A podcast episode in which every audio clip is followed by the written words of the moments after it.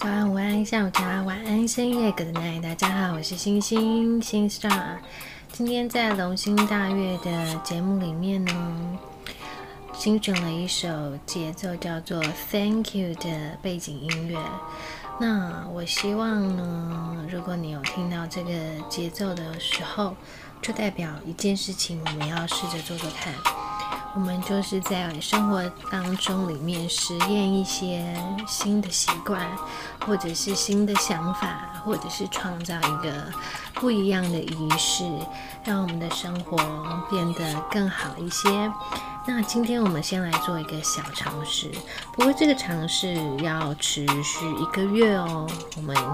现在的日期，你们听到节目应该已经是二月二月份了嘛？那没关系，不管你从哪一天开始，你只要听到这个节目的时候呢，就准备两个笔记本，或是你准备一个笔记本，然后分一半，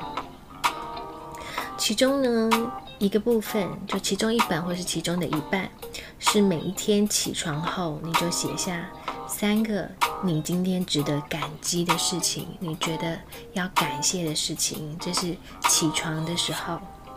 那另外一本或是另外一个部分，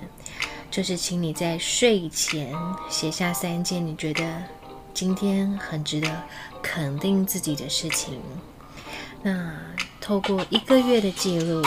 当一个月完之后呢，你再来把这两本笔记本，或是把这个笔记本一本的话，你仔细翻翻看，看看你一个月。有没有记录着自己觉得对生命感到感激的事，以及这一个月来你自己对自己做了多少的肯定？那为什么心会突然想到这个？哎，让生活当中多一点新的习惯呢？是因为我就做了一个心理测验，然后这心理测验我抽到的图卡。是丰盛这个字，丰盛这个字，然后呢，它的意思是说，希望我呢，把专注力放在自己有的事情上面。如果把专注力放在自己没有的事情上，就会徒增自己的埋怨，无疑是壮大了匮乏意识，就是一直看到自己缺少的。当我聚焦在自己所拥有的事情上面的话呢？我的感激的能量就会充满我的内心，而且也会向整个宇宙宣示我的世界是丰盛的。在吸引力法则之下呢，我也将会吸引到更多美好的资源来到身边，然后可以持续继续肯定练习这个肯定自己价值，转化那些没有办法带来的自我贬低。破坏跟放弃的念头，让自己呢做好准备，迎接更多更多来自源头、来自你内心深处丰盛的感觉。于是你的内心就会充满了能量，那这个能量就让你看到你所拥有的一切，而会吸引更多更美好的磁场来到你的身边，帮助你的生活，帮助你的工作，帮助你的人际。那心。嗯，看到这个心理测验得到的图卡之后，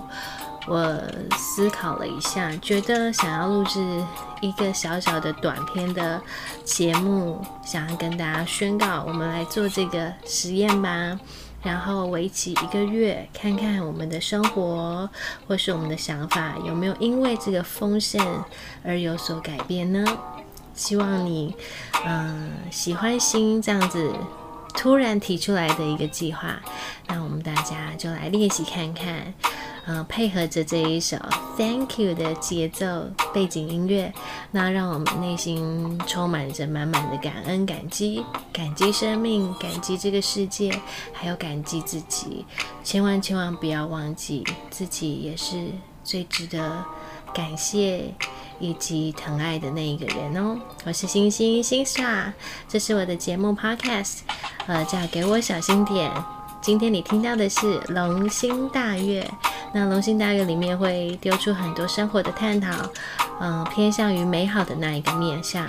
那如果你喜欢的话，请记得关注、追踪、加订阅，还要分享哦。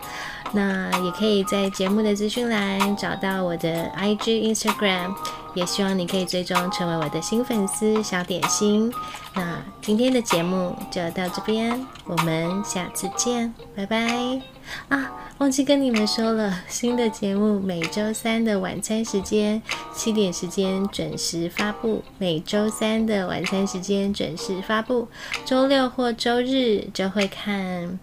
嗯，新的那个工作量来决定。那我当然也是希望说每周可以有两次的呃节目发布，希望嗯让更多喜欢我的听众粉丝朋友们可以多多的听到我的声音，听到节目的内容。好，那我们下次见喽，拜拜。